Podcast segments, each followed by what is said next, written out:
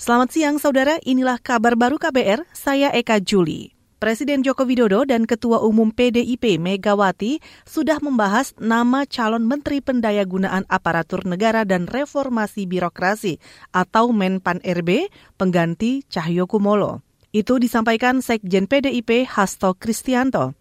Dikutip dari Antara, Hasto mengatakan Mega akan menyerahkan nama calon Menpan ke Jokowi dalam waktu dekat.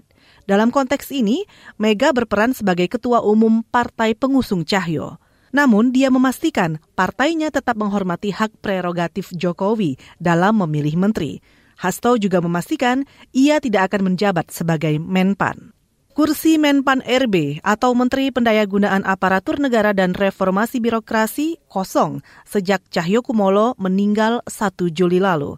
Sebagai pengganti sementara, Jokowi menunjuk Mahfud MD menjadi pelaksana tugas Menpan RB.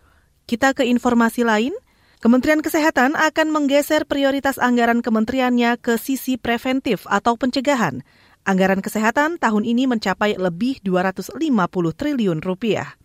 Menteri Kesehatan Budi Gunadi Sadikin menyebut intervensi pada aspek preventif akan jauh lebih murah dibanding kuratif atau penanganan saat sakit.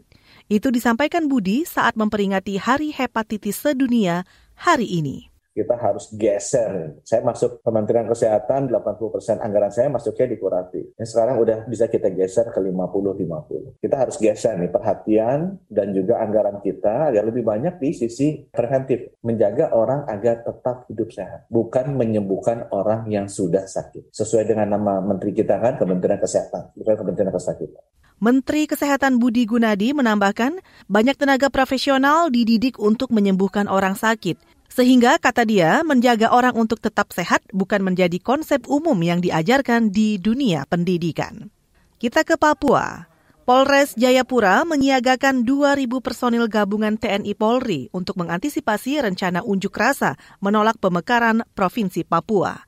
Kapolres Kota Jayapura Victor Makbon mengatakan demo yang dikoordinir Petisi Rakyat Papua atau PRP akan digelar besok. Tentunya kami juga telah menyiapkan uh, personil ya uh, dari TNI dan juga Polri kita siap memberikan rasa aman dan nyaman ya baik buat untuk masyarakat baik nanti pada saat mereka memang ingin menyampaikan aspirasi dengan baik kita akan mendampingi atau akan terus kita uh, kawal. Ya silakan sampaikan ke DPR dengan hal yang uh, dengan hal yang baik.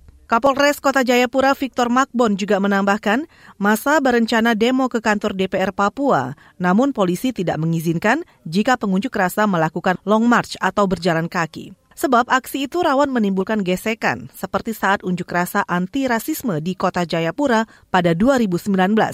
Sementara itu, penanggung jawab aksi Jeffrey Wenda berharap polisi tidak berlebihan dalam menangani pengunjuk rasa. Saudara, demikian kabar baru. Saya Eka Juli.